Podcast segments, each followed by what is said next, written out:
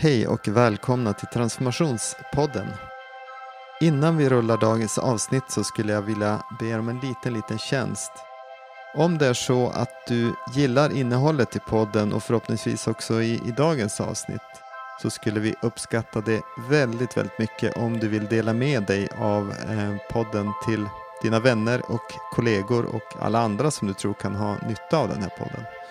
Gör du det i sociala medier så tagga gärna in Hello Future i, i posten så dyker vi upp där i kommentarerna och, och tackar så hemskt mycket för hjälpen. Men nu rullar vi dagens avsnitt.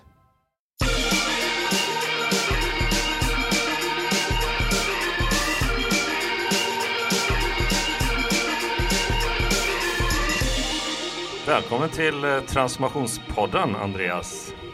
Ja, tack så jättemycket. Kul att vara med. Ja, hur är det med dig idag? Är det kallt uppe i Östersund antar jag? Ja, just på själva termometern är det inte jättekallt. Jag tror att det stod 15 grader, men vi har ju haft en storm som har gjort att det har blåst väldigt mycket. Med samma namn som min äldsta dotter. Så att eh, jag hade en väldigt rolig sån här eh, inledning igår när ja, okay. eh, min fru Jennifer kom in med ett mail som jag trodde i all yrvakenhet var från förskolan där det stod att stormen Ayla har dragit fram. Så det blåser här. Um, ja. Mm. Okay. Uh, och det, om man pratar om stormar uh, så tänker man kanske på kriser. Vi ska prata om kriser idag.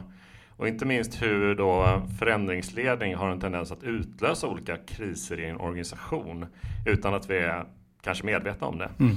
Men även lite grann hur arbete med förändring i offentlig sektor kan utlösa personliga kriser som utmattningar och sjukskrivningar och annat. Tunga ämnen. Absolut. men, mjuk, men mjuk start så här på morgonen. Ja, ja. precis. Men innan vi kommer in på det så vill vi ju höra lite mer om dig. Mm. Jag lärde känna dig i Stockholm för ungefär tio år sedan. Mm. Och du har verkligen gjort en resa till idag då du jobbar på Region Jämtland Härjedalen. Så berätta lite om din bakgrund. Ja, min bakgrund, anledningen att jag flyttade till Stockholm är ju som för många som växer upp i lite mindre städer, ja, utbildningar och karriär. Eh, jag flyttade ner mm. 2005 och började journalistutbildningen, eh, en yrkesinriktad utbildning där eh, mellan 05 och 07. Och efter jag var klar så var det, ja, ska man säga, det kom väl lite så dålig timing med Lehman Brothers finanskris och eh, bara liksom utlasningar i princip av mediefolk. Men eh, där så, ja, vad ska man säga, jag tog, eh, jag har alltid varit ganska så här äventyrsdriven av mig så att jag gjorde så att jag flyttade ut och jobbade med lokala vad ska man säga, eh, journalister och advokater inom en NGO i Honduras. Kanske inte var mm. till mina föräldrars stora förtjusning med tanke på att det då 2008 fortfarande var ett av världens farligaste länder med mm. hög wow. kriminalitet och sådär. Men det var en otroligt eh, nyttig erfarenhet. Men sen där någonstans när vi träffades så hade jag väl mm. kommit tillbaka, jobbat lite som informatör och sedan också landat i att jag nog skulle starta eget. Och det var så jag minns vi satt där med den här liksom första affärsplanen på det företaget som vi startade mm. då 2011 måste det varit. Ehm, ja, finns nog kvar i någon pärm hemma i lägenheten men ehm, ja det har hänt en del mm. kan man säga ehm, därifrån till att jag nu sitter som förvaltningsledare för det som kallas invånartjänsten här på mm. Region Jämtland Härjedalen. Mm. Mm. Mm. Nej, men jag vet ju de, de där åren eh, eh, sen liksom eh, gick in i någon typ av nu vill jag flytta hem igen, nu är jag lite trött på Stockholm. Eh, och eh, ja, det var ju olika omständigheter som gjorde att du eh, kom tillbaks till, till Jämtland Härjedalen, mm. inte, inte minst ja, i Östersund. Mm. Ja, precis. Och du tog dig senare också vidare att börja jobba i en statlig tjänst. Hur, eh, hur hände det? Det är den frågan jag aldrig ställt Ja, det, det, det, är exakt liksom från att uh, varit med och, och liksom, det kanske jag använder ordet transformera, men omforma mm. alltså användargränssnitt för eh, stora alltså, organisationers liksom, webbplatser och även liksom mm. Kopplade mycket då sedermera med, med det företaget som eh, vi hade då under den perioden innan jag flyttade upp till eh, Östersund med inriktning mot liksom, eh, mm. Eh, friluftsliv och outdoorbranschen där vi ja, formade om de kanske två största livsstilssajterna inom, eh, vad ska man säga, mountainbike och eh, fri, friåkning eller skidåkning, mm. freeride och, och happyride med liksom besöksfrekvens på en 250-350 000 besökare i månaden till att sitta då som jag gör nu, som jag brukar säga, som förvaltare av Jämtlands största IT-system med 80 000 mm. användare och liksom ja. jobbar halvtid. Eh, mm. Det är en liten intressant resa men om man ska liksom vara lite så personlig så var det ju eh, också under en period då eh, jag inte mådde särskilt bra. Jag hade mm. problem i själva företaget. Det var en rekrytering som inte hade gått riktigt, eh, blivit jättebra eh, och eh, behövde liksom involvera juridiska ombud och liksom hade väl ett mm. eget, liksom, vad ska man säga, mörker där liksom gick och kämpade med där man eh, letade liksom både sig själv och kärleken vilket jag också fann mm. där eh, under den hösten då jag träffade nu min fru då. Mm. Vilket var alltså, en av de största drivkrafterna att mm. återvända till Jämtland även om jag då hade svårt att släppa bilden av mig själv som liksom den här entreprenören och liksom med möjligheterna ja. som jag såg att storstaden hade. Men mm. eh, det visade sig att det fanns möjligheter även att fortsätta företagande, vilket jag gjorde ja, eh, under ett och ett halvt år när jag var delägare i en eh, ja, digital byrå här i, i Östersund som jobbade mycket med att utbilda företag. Eh, Digitalakademin som då drevs av Google med lokala byråer var vi med och och höll för ett hundratal företag ah, här uppe i, i Östersund. Då. Men där någonstans med en eh, tuff eh, graviditet i samband med vårt första barn och en sjukskrivning både för mig eh, och min hustru så blev det ett steg i att söka något annat än just den här mm. liksom, eh, friare eh, tillvaron som entreprenör och företagare. Så där blev det så att jag sökte ett jobb som kommunikatör då. Var själva liksom tjänsten utlyst då och blev erbjuden en tjänst då på regionen, landstinget. Eh, och där har jag blivit kvar nu sedan 2017 då. Tre år jag har jobbat eh, med det jag gör nu. Det, det alltid spännande att få höra någons personliga berättelse och hur de har hamnat där de hamnat idag och ja, jobba med. Precis. För det, det, det, är också en bakgrund till vilka perspektiv du tar med dig i ett arbete på, på en region. Uh, och jag vet ju uh, och känner ju andra som, jag har ju själv gjort, uh, inte riktigt tvärtom, men jobbat länge inom myndighet och, och nu jobbar på Hello Future. Men det är många som upplever ett tag att ah, men jag behöver eh, lugna ner livet lite grann. Jag behöver få lite mer stabilitet. Eh, offentlig sektor verkar, eh, verkar bra, men det är ju också en, en kulturkrock som, som sker. Eh, jag har ju sett många som, som dykt upp och, och känt sig ganska frustrerade mm. över att börja jobba på myndighet. Hur utvecklande det än är så är det ju en helt annan typ av arbetsgång och helt andra typer av förutsättningar. Kan du berätta lite grann om, om vad du, vad, vad var din upplevelse att börja, börja den nya tjänsten och, och komma in i, i, i jobbet och jobba med ett annat perspektiv, inte näringslivsperspektivet men istället ett, eh, ett eh, perspektiv för ett, liksom ett medborgarfokus, ett samhällsfokus? Ja men det var väl ganska, alltså även om man har varit då som tidigare inom näringslivet så har på något sätt liksom um, drivet eh, på något sätt för att driva förändring varit. Mm. Även om det handlade om att hjälpa företag att liksom eh, med de liksom system och liksom vad ska man säga leveranser vi Eh, erbjöd då, eh, med liksom digital marknadsföring eller mätbar marknadsföring mot de tjänster som eh, ja, inom Googles tjänsteplattform kan man säga erbjöd. Så var ju liksom på något sätt själva den stora skillnaden var ju att man liksom, man brukar säga inom vården när man pratar eh, i olika presentationer att liksom det här att man har vården eh, mm. i, i botten i sitt yrke. Liksom, att jag, jag mm. är sjuksköterska eller jag har jobbat eller jobbar som läkare eller så vidare, att, att det liksom skapar en tyngd. Men jag har varit väldigt sjuk.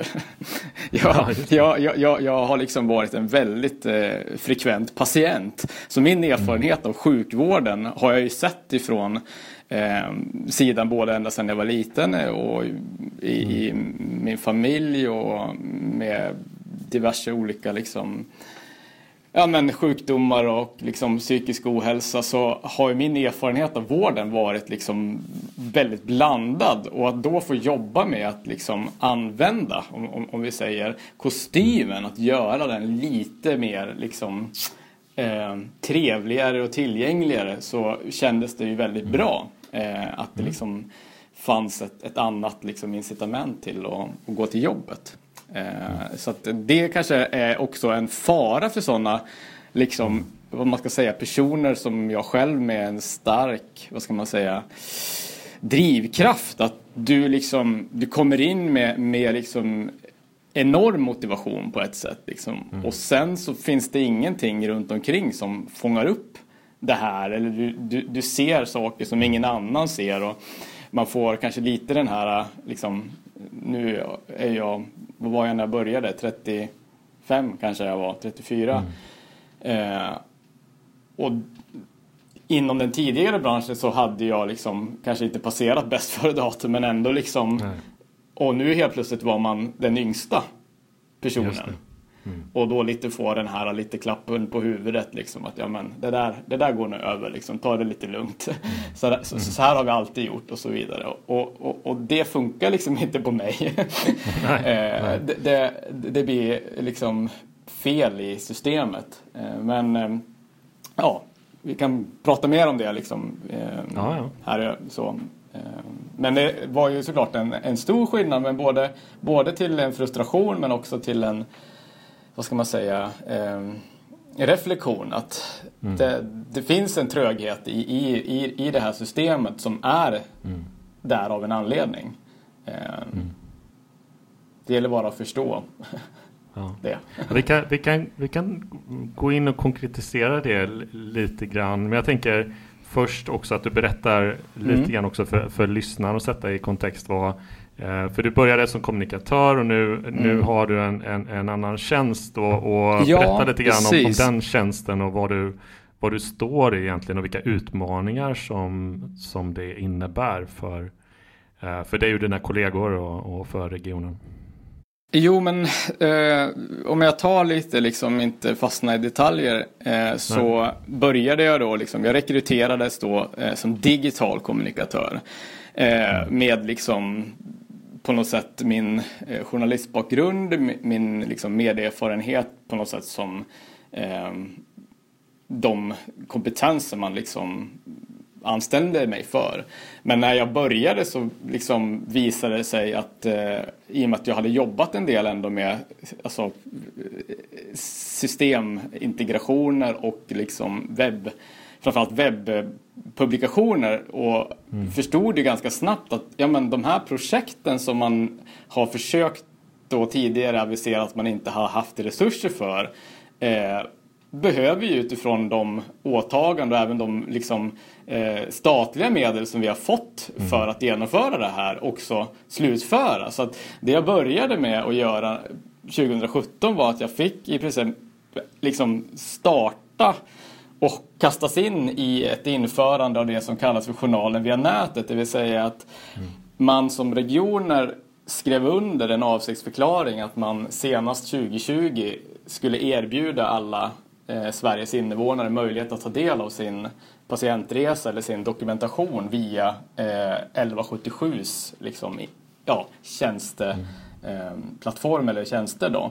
Och, och, det där var ju liksom en sån här grej som, okej, okay, och vad behövs för det här? Vilka liksom, vad ska man säga, eh, vårdrutiner behöver vi på något sätt gå ut med. Hur hanterar vi förseglingar? Hur hanterar vi liksom eh, när det liksom orossituationer för barn? Och, när, det, det blev ett, liksom, ett himla mm. komplext mm -hmm. eh, liksom, och då inser jag att ja, men det här är ju vad hände med liksom göra inslag och vad det nu stod i det där och redigera mm. bilder i Photoshop. Jag har inte redigerat en bild i Photoshop på tre Nej. år. Nej. Och det som hände var ju att då hade vi också fått vår första barn eh, och eh, jag då sedermera gick på, på föräldraledighet och man började inse att okej, okay, det här med att vi ska tillgängliggöra liksom eh, både journalinformation, eh, möjlighet för patienter och invånare att boka sina tider vid 1177, mm.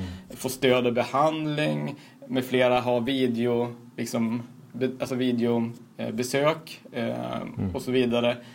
Det här, ja men, ska vi ha journalister som gör det här eller liksom Nej, mm. så att under min föräldraledighet så lämnade jag en, en förändringsrapport eh, sommaren eh, 2018 måste det varit, innan jag gick på föräldraledighet. Och då hade vi börjat med en, vad ska man säga, resa, en transformationsresa där vi liksom i samband med, vad ska man säga, den statliga utredningen kring god och nära vård som Stiernstedt och Nergård har legat bakom eller arbetat på liksom och göra den delen. Vilka bitar behövs? Och då under den tiden så gjorde man en, en ansats och liksom tittade på vilka funktioner har vi, vilka funktioner behöver förstärkas med för att liksom skapa mer tryck eh, mot det här. Så att en utveckling och digitaliseringsavdelning eh, bildades under den tiden. Och där i och med att flyttade jag från kommunikation och hamnade under forskning och utveckling då.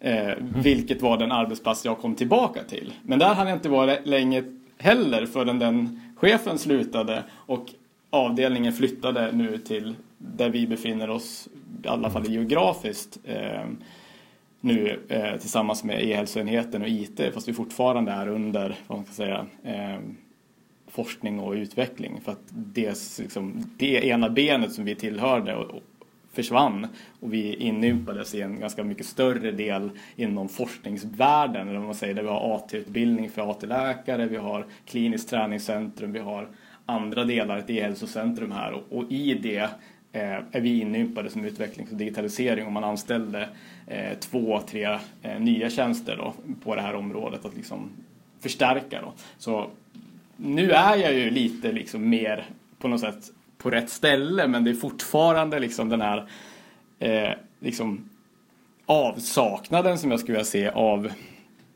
strategi och liksom eh, förankring ner mot liksom där behovet är. Eh, vilket jag upplevde direkt när jag kom igång med, med de här projekten. att liksom det här handlar ju om förändrade arbetssätt för dig som läkare. Mm. Ja men vänta nu, mm. om min patient kan ta del av provsvaren Mm. Om den kan läsa min, liksom, vad ska man säga, eh, diagnos eller det jag har liksom antecknat, ja men då kan vi både spara administrativt arbete samtidigt så kanske jag inte ska skriva massa komplexa latinska termer. Så det, det är ju så här att, ja.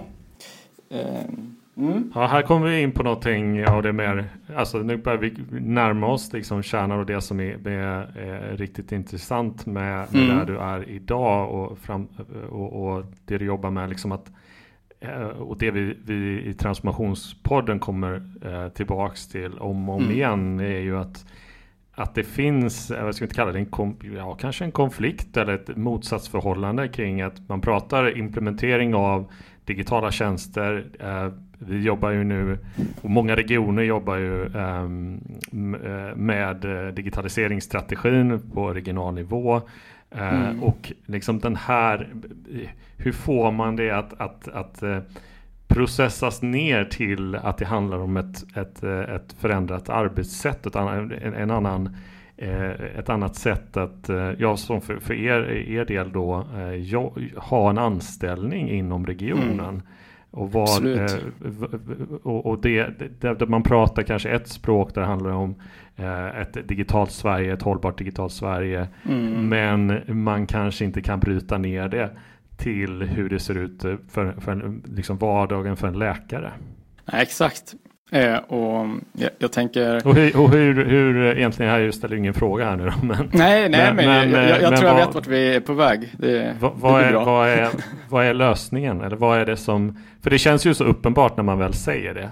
Mm. Eh, men... Nej, men jag tror att en, en, en del av lösningen det, det är ju på något sätt att lyssna. Eh, och jag eh, har fått tillåtelse att hänvisa till en, en kollegas eh, arbete eller en liksom, mm. studie man har gjort på 20 eh, hälsocentraler här. Vi har någonting som kallas för IT-ronder eh, där man då även kopplade på inte bara liksom de tekniska aspekterna utan även kanske eh, den mer, ska man säga, sociala, arbetssociala aspekten av det hela. Och jag vill ta ett litet citat här. Eh, och det är en läkare som i intervjun säger så här att vi går inte till botten med våra problem för att hitta långsiktiga lösningar. En reflektion är att omställningen till nya arbetssätt och vanor kräver att vi förenklar. När hindren upplevs höga väljer vi att fortsätta på samma spår som tidigare. Och mm. Det här är ju på något sätt kärnan av den här liksom, vad ska man säga, eh, när ambitionen krockar med mm. funktionen. Mm. Alltså när vi har en sån pass liksom, genomgående diskrepans mellan verkligheten och strategin, eller vi kanske i många fall mm. saknar en strategi, så mm. blir på något sätt den verkligheten som jag som vårdproducent befinner mig i mm. eh, så långt ifrån liksom ja men det här vi satt och strulade med nu. Så här, vilken kanal kan vi använda? Vi löste det i och för sig på en kvart eller vad det blev men så här, ja, vi har inte Zoom för att det är systemet här i regionen tillåter inte det. Nähä, ganska snabbt så testar vi Google Hangout och så vidare. Mm. Och landa i liksom en, en, lösning här med lite, ja, lite varierade tekniker kan vi säga. Men för, för att, att, spela in liksom podden ska vi säga för, för, ja. för den som undrar just nu. Ja. ja, ja, exakt. För att spela in det här mm. avsnittet. Mm. Eh, men för att sätta det här i liksom perspektiv så kan jag ta liksom ett ett exempel bara från min kollega som här i veckan eh, besökte en, en, mottagning där då den eh, medarbetaren aldrig, och nu, det här är ett exempel i vardagen, hade öppnat mm. Outlook, alltså mailen. Mm. När den här personen kommer till sitt arbete så loggar hon in och stämplar in eller han loggar in och stämplar in. Mm. Sen öppnar man, jo, man öppnar vårdsystemet, man öppnar journalsystemet mm. och där är man. Där bokar man sina patienter, eh, där skriver man eh, anteckningar, man ordinerar recept och så vidare. Oj, nu mm. inser vi att det här var som att två världar krockar. Och mm. personen blev helt hänförd när min kollega gick och satte sig i ett annat rum och ringde via Skype. Mm. Ja, någon kanske skrattar och tycker att jaha, oj, oj, oj. Ja, det, man, man får kanske skratta lite, men i den här berättelsen tror jag att det är jätteviktigt att lyssna på vad är det här som, som, som, som, som händer. För när vi försöker driva förändring så säger vi att det nuvarande liksom, läget är inte tillräckligt bra. Och vad händer med människor när vi får höra att någonting inte är tillräckligt bra? Ja, jag känner inte många som tycker att det är särskilt kul i alla fall. Inte jag. Nej. Nej. Och att inte förstå att människor blir rädda på riktigt tror jag är en av de viktigaste liksom, faktorerna eh, man missar. För man blir rädd på riktigt. Och vad händer när mm. vi blir rädd? Är vi mer mottagliga när vi liksom har någon som springer och viftar med liksom en hagelbössa utanför fönstret eller typ när vi sitter och chillar med en påse chips? Ja, men ja. I, I think ja, I made det, a point. Det, alltså. jag, jag, får, jag, bara flikar in med en, en mm. eh, jag hade ett samtal med en, eh, en vän för inte så länge sedan om för, ja, men vad coronaepidemin då eh, har bidragit till att öka på förändringstakten och bla bla bla mm, som jag mm. pratade om. Och, eh, men han kontrar då med att säga att eh, ja, men det är så här också att när saker och ting förändras väldigt snabbt och eh, då tenderar vi till att gå tillbaka till de trygga lösningarna, de vi är mest liksom, bekväma i per definition. Jag säger inte att han har liksom Eh, att det, det var någon, någon, typ av eh, vetenskaplig data bakom det. Men jag tror att det, ligger, det, liksom, det är det jag tänker på när det är det du berättar. Att eh, samtidigt som vi behöver förändring, samtidigt som vi behöver eh, och alla ser behoven av att eh, liksom förenkla och eh, driva på andra typer av arbetssätt.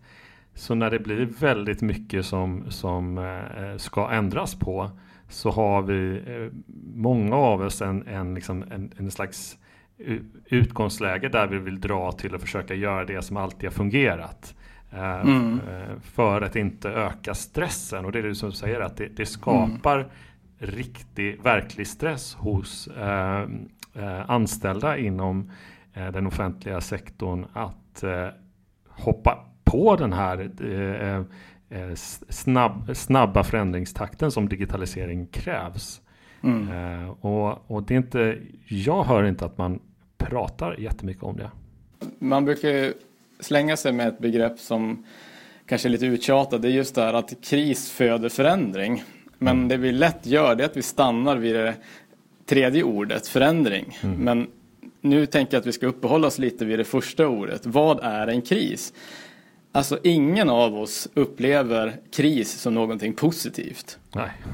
Sen att det kan leda till någonting bra men eh, lidandet eller liksom obehaget är ju någonting som vi människor ända sedan urminnes tider försöker i så stor utsträckning som möjligt undvika. Och om det nu är så att liksom förutsättningen, oavsett i vilken liksom ände vi börjar, om det är krisen som börjar med som gör att jag så här slutar dricka eller att jag förändrar mitt beteende. Eller om det är förändringen som kommer som en på något sätt pålagd mm. eh, Lite, lite som ko coronakrisen är ju sånt, sånt eh, uppenbart. Ja. Eh, hela det här året är ett uppenbart sånt exempel på där vi bara, vi bara är tvungna till att förändra oss. Ja, och, och, och, och det man kan lite bli lite så här eh, fascinerad över. Eh, ta liksom bara från gårdagens exempel när jag hade ett sånt här referensgruppsmöte för det som kanske några av de som lyssnar känner till som kallas för första linjens digitala vård som är en stor eh, omställning som ligger inom det här god och nära vård eh, där vi tittar på liksom, nationella stora transformationer liksom, som berör hälso och sjukvården och framförallt 1177 och, och, och de delarna eh, väldigt eh, omfattande. Och där i, så, i samtalet så kan man liksom uppfatta det här liksom att folk är på tårna och tycker att ja, det här är så kul. Alltså man säger det liksom lite med en viss eftersmak för att mm. det är ju trots allt en pandemi vi är inne i. Eh, men det jag liksom hör är det är att ja, men det kanske är kul för de som kan och förstår.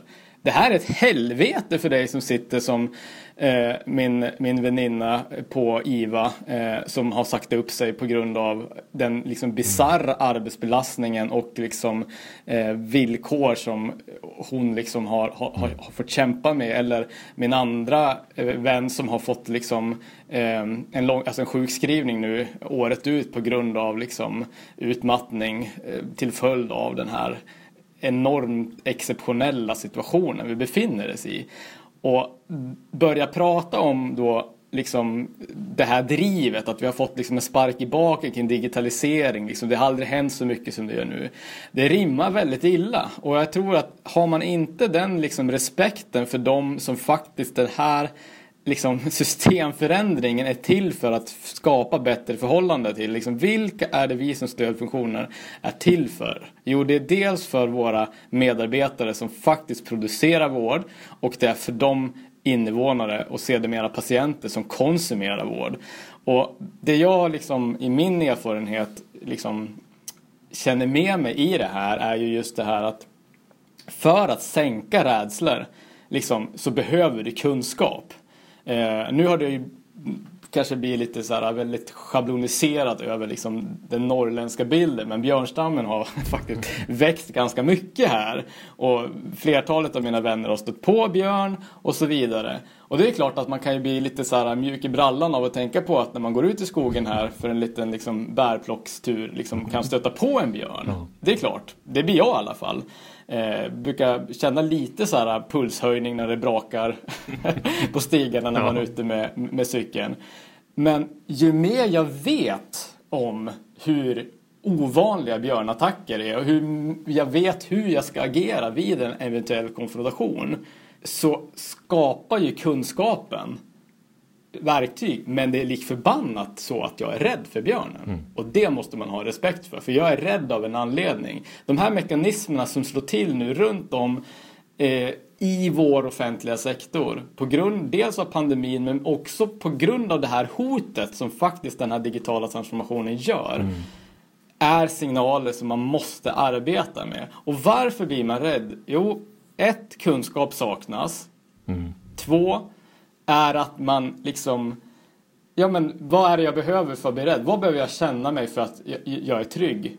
Det kanske inte räcker med att veta att liksom så här, ja, troligtvis så blir jag inte attackerad av en björn. Men jag kanske behöver liksom ha lite så här, ja men jag kan hoppa in i bilen eller mm.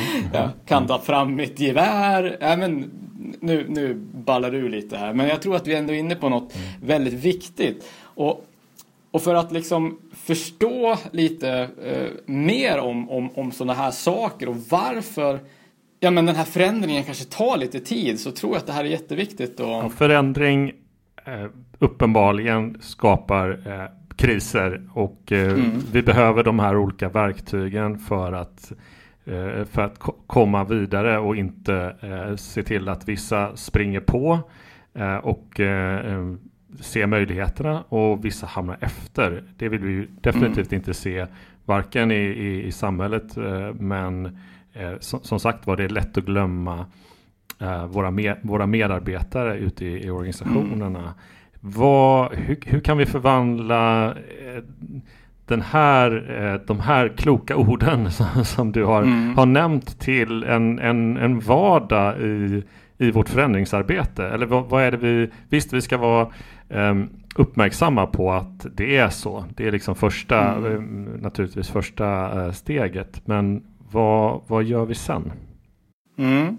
Nej men eh, lite så här skämt åsido så kan jag ju då som det står på min, eh, vad ska man säga, jag har inte fått upp någon sån här, i och med att jag uppenbarligen så byter arbetsplats eh, en gång per år, mm. så har jag inte fått upp någon sån här lapp som man så kärt nästan alla inom mm. den här typen av sammanhang har utanför sin kontorsdörr. Eh, så att liksom det står varken titel, jag skriver mitt namn där själv och då mm. skrev jag i och med att jag då jobbar på UD, utvecklings och digitaliseringsenheten, eh, min egen titel då som IT-diplomat. Mm. Mm. Eh, väldigt kul, haha. Men eh, i det här eh, liksom, eh, begreppet och, och, lite så här eh, dåliga skämtet så ligger det en otroligt viktig sanning. För vad är diplomati? Om inte liksom att kunna förmedla eh, villkor, förhållanden och liksom perspektiv på lösningar mm. för att stater ska kunna upprätthålla liksom goda relationer. Mm. Eh, och det jag tänker på liksom, i det här som vi pratar om med, med de här reella rädslorna som finns hos, hos våra medarbetare så är ju det viktiga här eh, som kanske är lite så här, går emot hela liksom den här happy clappy innovationstrenden. Eh, där man pratar liksom på Bells curve om liksom early adopters mm. och innovators mm. och sådär. Men det man vet ifrån liksom, eh, samhällsanalyser eller liksom sociologiska studier det är att om du har 11 procent av en population som är negativ liksom, inställda så kommer de ha större påverkan mm. på liksom, den större gruppen. Mm. Och 11 procent är inte jättemycket. Har du dessutom 1 procent av dem som är väldigt, väldigt mm. negativa så har de i sin tur enormt stort inflytande och påverkar förändringsbenägenheten enormt. Mm. Och det är ju ganska evolutionärt, liksom, vad ska man säga, eh, logiskt utifrån det att det var inte de som käkade alla svampar eller liksom tittade om björnen typ så här mm. hade en bra dag en dålig dag som överlevde. Nej. Så det här ligger djupt rotat mm. i oss. Mm. Så att det här tror jag liksom att, att, att ha kommunikation eh, och att kunna liksom faktiskt lyssna. Mm. Och jag, jag, brukar säga så här att har man bedrivit en förändring som mindre eller fler än en procent mm. har upplevts som negativt. Ja, nu mm. kanske någon skrattar liksom. Mm. Ja, men det här är allvarligt. Har man bedrivit en förändring som fler än en procent i en liksom, miljö har upplevts som negativt då behöver man prata om det. Mm. Då behöver man kommentera och ha, ha liksom en dialog. Och det här, det här skiter man fullständigt mm. i. Ja, det, det egentligen du säger är att det finns, det finns ingen som har drivit en förändring som inte har skapat den här typen av missförstånd, konflikter, kriser, försäm kanske försämrade eh, eh, mm. arbetsvardag för, för eh, en hel del människor i organisationen. Eh, på grund av mm. att de inte har eh, kunnat hänga med egentligen. Mm. Och jag brukar prata om eh, ett, ett, ett, ett, ratio som jag kallar mm. för eh, screw up ratio. Mm. och, och, och det här är ett ratio som vi sällan pratar om. Det vill säga att vi innan vi driver igenom liksom en eh, förändring mm. inte tydliggör förväntningarna Eh, samt också liksom de potentiella försämringarna. Mm. För ett exempel från en annan region var när man gjorde någonting som projektet kallades för Tid Direkt. Det här är ett otroligt bra exempel. Mm. Eh, tror det var Region Östergötland där man valde att låta vissa typer av eh, alltså, ärenden som berörde enklare diagnostiseringar. Mm. Alltså det var, tror jag, frågan om karpaltunnelsyndrom, artros och något annat som är lätt för en primärvårdsenhet att bedöma. En, en, en distriktsläkare kan göra det och även liksom ordinera och behandla. Eh, och då erbjöd man det här liksom till, till invånarna och man såg ju liksom dels så blev ju väntetiderna till ortopeden liksom försvann ju därifrån. Eh, tiden för patienten att få, få behandling och komma på ett bedömningsbesök blev mycket kortare. Så att, liksom, det var tummen upp mm. för alla. Mm.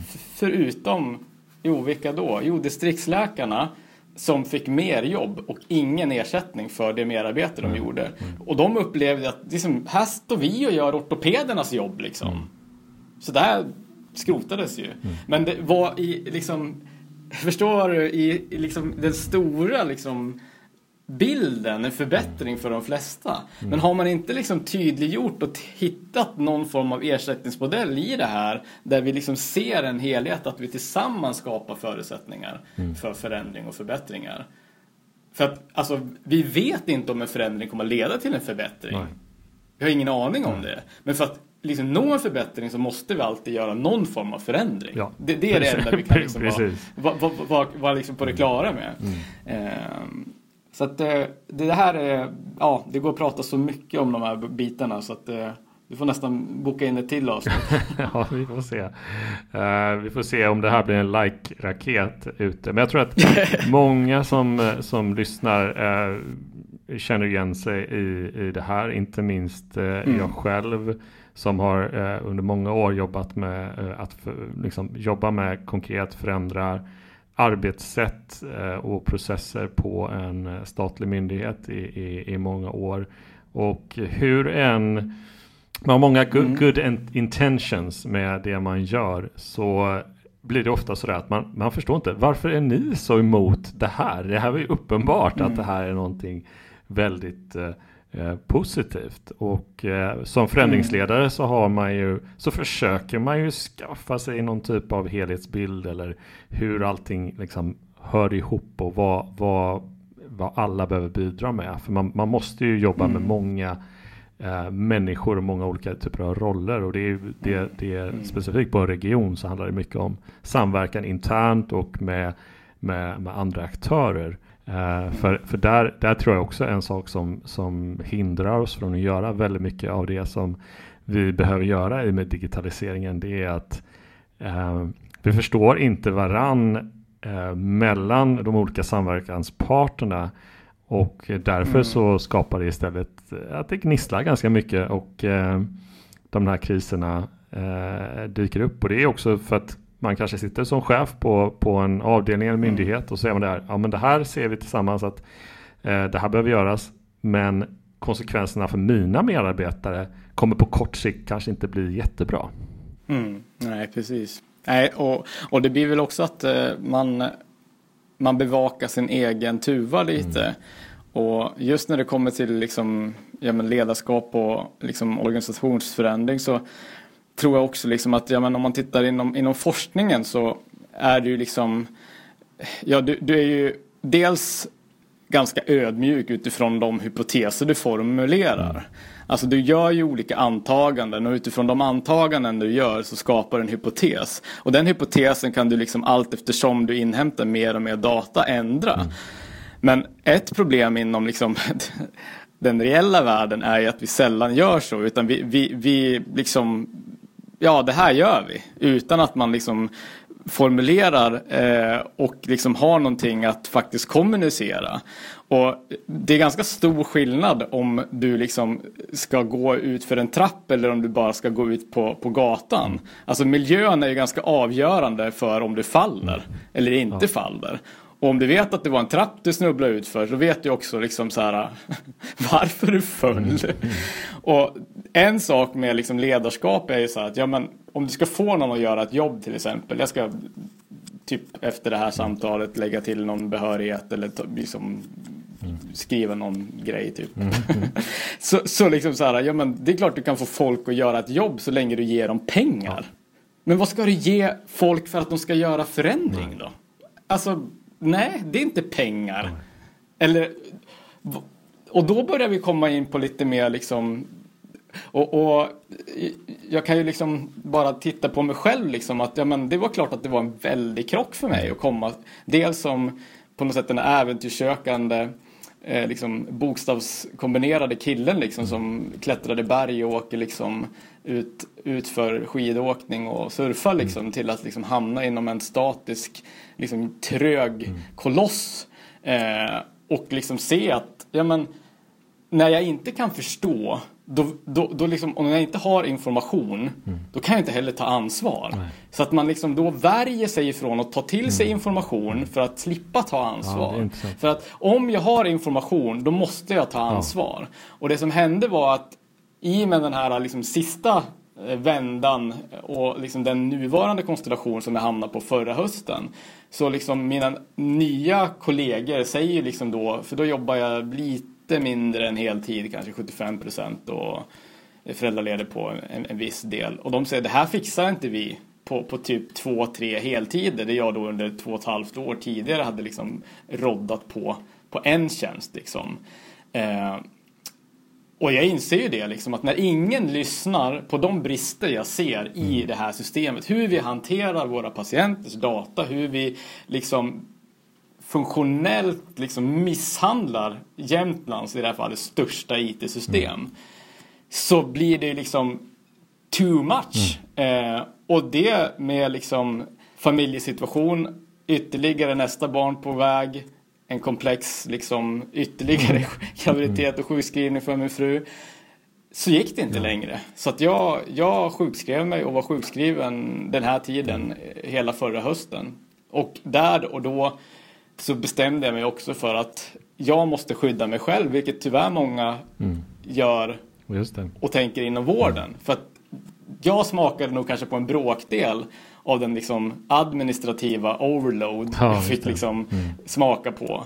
Eh, och därför ja, jobbar jag inte mer än, än 50 procent mm. och nu utbildar mig inom just det här området i och med att jag läser mm. då organisationssociologi för att jag, jag förstår eh, mm. att liksom det, är, det är mekan, mekan, mekan, alltså det är processer eh, som är mer komplexa. Eh, som man måste ha respekt för. Och en del i, i det här som jag nu börjar läsa så är det just det, ja, men va, va, alltså, alla chefer är inte liksom eh, dum i huvudet. Liksom. Nej, eller så här, ha dåliga liksom, intentioner eller liksom helt handlingsförlamade. Men en grundläggande problematik inom liksom, offentlig sektor är just att chefer får inte vara ledare. Chefer får inte möjlighet att driva förändring utan man fastnar i liksom administrativa träsk. Mm. Vilket blir ju liksom, det är svårt att leda och, och driva när du är en administratör. Mm. Ja. Det, det, ja, det, det, är det, du blir. När, när du blir mellanchef eller liksom mm. chef. Du sitter ju bara liksom och Ja men det är klart, då är det jättesvårt att behålla fokus. Och vad är lättare då? Att liksom såhär Do what you are being told. Mm. Eller faktiskt så här, ja men det här. Alltså vem är jag till för brukar man prata om. Det är ganska självklart om jag sitter som akut syrra liksom. Mm. Vem är det jag tar emot här? Men det är inte lika självklart när det kommer ut längre och längre mm. i det perifera. Man pratar inom organisationen att du har en centripetal mm. kraft och en centrifugal kraft. Alltså det är en kraft som driver liksom inåt mot kärnan och en som driver utåt. Mm. Och ju längre ifrån kärnan det kommer desto mer otydligt blir det. Vem är jag till för då? Jag var inne på det lite innan. Jo men det måste väl vara för, vi kallar henne för Stina. Mm. Som jobbar. Och behöver lite hjälp med att liksom skicka meddelande eller bifoga en bilaga mm. i det här systemet. Typ. Ja men då kanske vi behöver liksom tydliggöra det och, och, och liksom använda det som en litet så här måttstock mot det vi gör. Mm. Är, det, är det det vi lägger liksom tid på eller har jag också, vilket jag definitivt har fastnat i det här administrativa träsket. Så att mycket det här som Simon Sinek pratar om, eh, att liksom börja med varför. Mm. Alltså den här gyllene cirkeln, liksom, det, det går inte tjata ut den. Eh, den borde sitta på alla chefers och direktörers bord. Mm. Eller tavla eller vad nu det är. Kan, kan du, kan du eh. dra den lite kort för den som inte har äh, sett den? den? Den gyllene cirkeln är ju en, vad ska man säga, modell som i den innersta cirkeln formulerar varför. Mm. Varför gör jag det här? Mm. I den andra cirkeln så är det liksom en del som säger hur. Mm. Och i den yttersta så är det vad. Mm. Och applicerar vi det på, på hälso och sjukvården. Så för att ta ett citat som jag har på väggen så säger det så här. At its heart, healthcare is about caring for people rather than simply treating specific diseases or conditions. Varför går jag till jobbet på morgonen?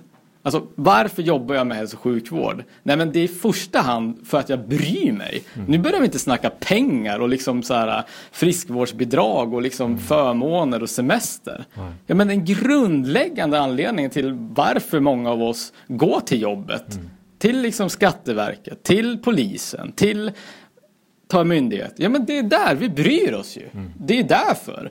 Och hittar man då som ledare eller som chef inte inte den strängen. Ja, det är, då är det ju väldigt svårt att både motivera och leda. Mm.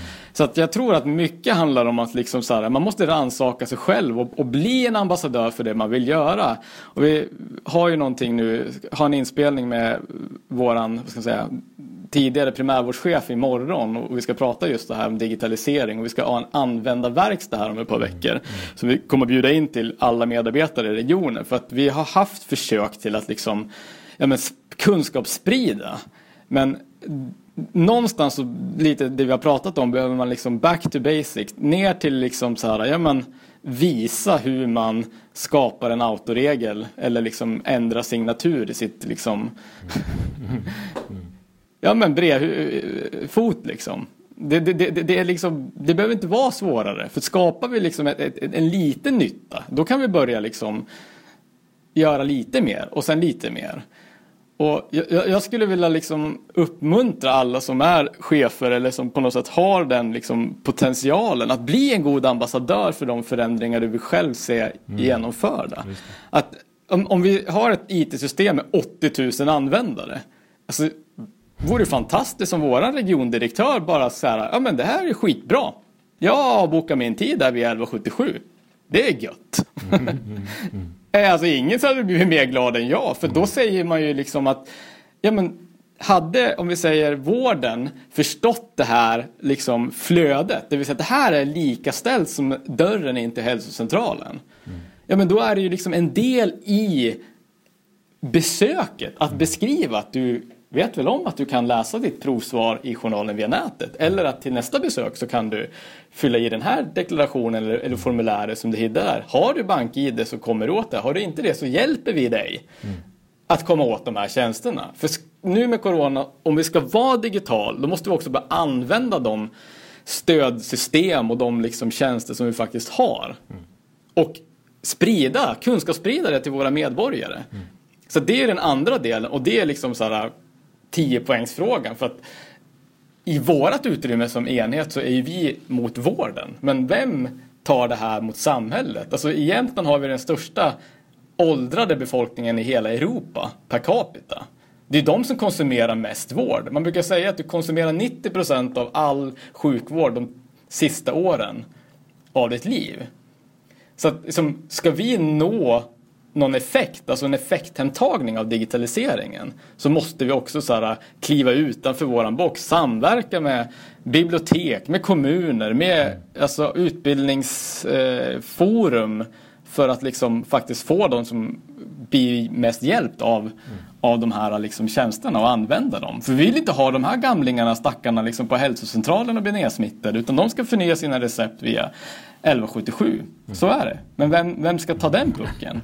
Så, nu har jag pratat ja, det, det alldeles för mycket. Det viktigaste är att vi får dela erfarenheter och sprida dina erfarenheter och dina tankar utifrån den resa du har gjort. Och eh, det är alltid spännande att få höra eh, från en eh, egentligen en, en, potentiell lyssnare av vår, vår podd. För att eh, vi vet mm. att Eh, många som sitter och lyssnar på Transformationspodden de sitter i någon liknande verksamhet med, de, med, med liknande frågetecken. Och eh, eh, att bara få, få eh, dela erfarenheter och väcka tankar tycker vi är ett, eh, ett progressivt sätt att hjälpa till med, med förändringen ute, hos, ute i, i samhället helt enkelt. Mm.